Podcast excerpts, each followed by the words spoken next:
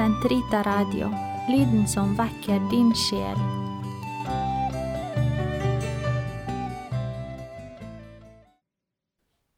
Den katolske kirkes katekisme, uke 47, torsdag 1590 til 1600. Kort sagt Den hellige Paulus sier til sin disippel Timotius Derfor legger jeg deg nå på hjertet å vekke kraftig til live den nådegave, Guds nådegave som gjennom min håndspåleggelse er nedlagt i deg. 2. Tim 1,6 Og det er et sant ord at den som ønsker å bli biskop i kirken, han streber etter en god gjerning. 1. Tim 3,1 Til Titus sier han, Når jeg lot deg bli igjen på Kreta, var det for at du skulle ta deg av alt det som ennå ikke var brakt i orden, og sørge for å innsette presbytere i hver by. Titus 1,5 Hele kirken er et folk av prester. I kraft av dåpen har alle troende del i Kristi prestedømme. Denne delaktigheten kalles de troendes allmenne prestedømme. På grunnlag av dette prestedømmet, og for å tjene det, finnes det en annen delaktighet i Kristi sendelse nemlig den tjeneste som meddeles ved ordinasjonssakramenter, og som har til oppgave å tjene i fellesskapets midte, i Kristi, i hodets navn og i hans person. Det tjenende eller ministerielle prestedømmet er vesensforskjellig fra de troendes allmenne prestedømme fordi det meddeler en hellig makt til å tjene de troende. De ordinerte tjenere utøver sin tjeneste for Guds folk ved undervisning, munus docendi, ved gudstjeneste, munus liturgicum, og ved pastoralt lederskap, munus regendi. Helt fra begynnelsen av er den ordinerte tjeneste blitt meddelt og utøvet på tre trinn. Episkopatet, presbyteriatet og diakonatet.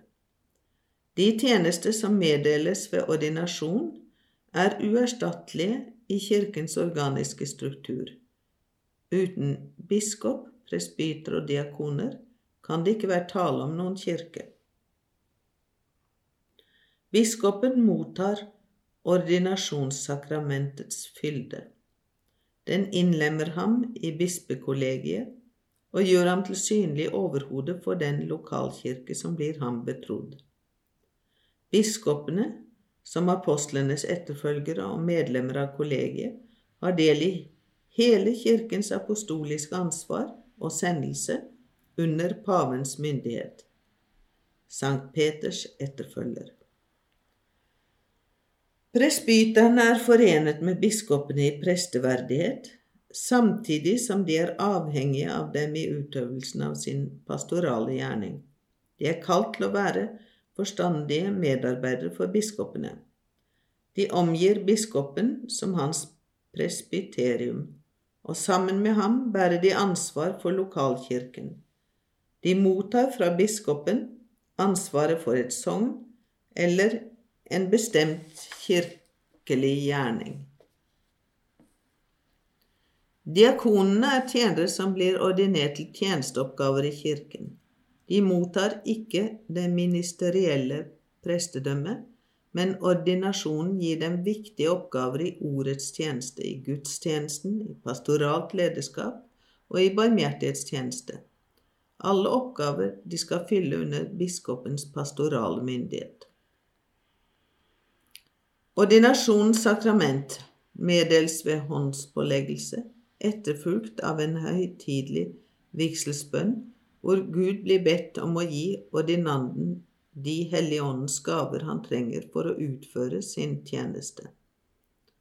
Ordinasjonen setter et uutslettelig sakramentalt preg.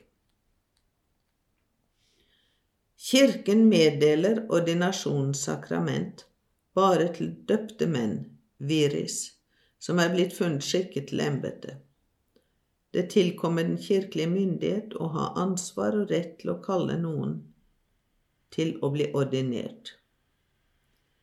I den latinske kirke blir ordinasjon til prest vanligvis bare meddelt kandidater som av fri vilje er beredt til å leve i sølibat, og som offentlig sier seg villige til å overholde det av kjærlighet til Guds rike og av kjærlighet til å tjene sine medmennesker. Det tilkommer biskopene å meddele de tre trinn i ordinasjonens sakrament.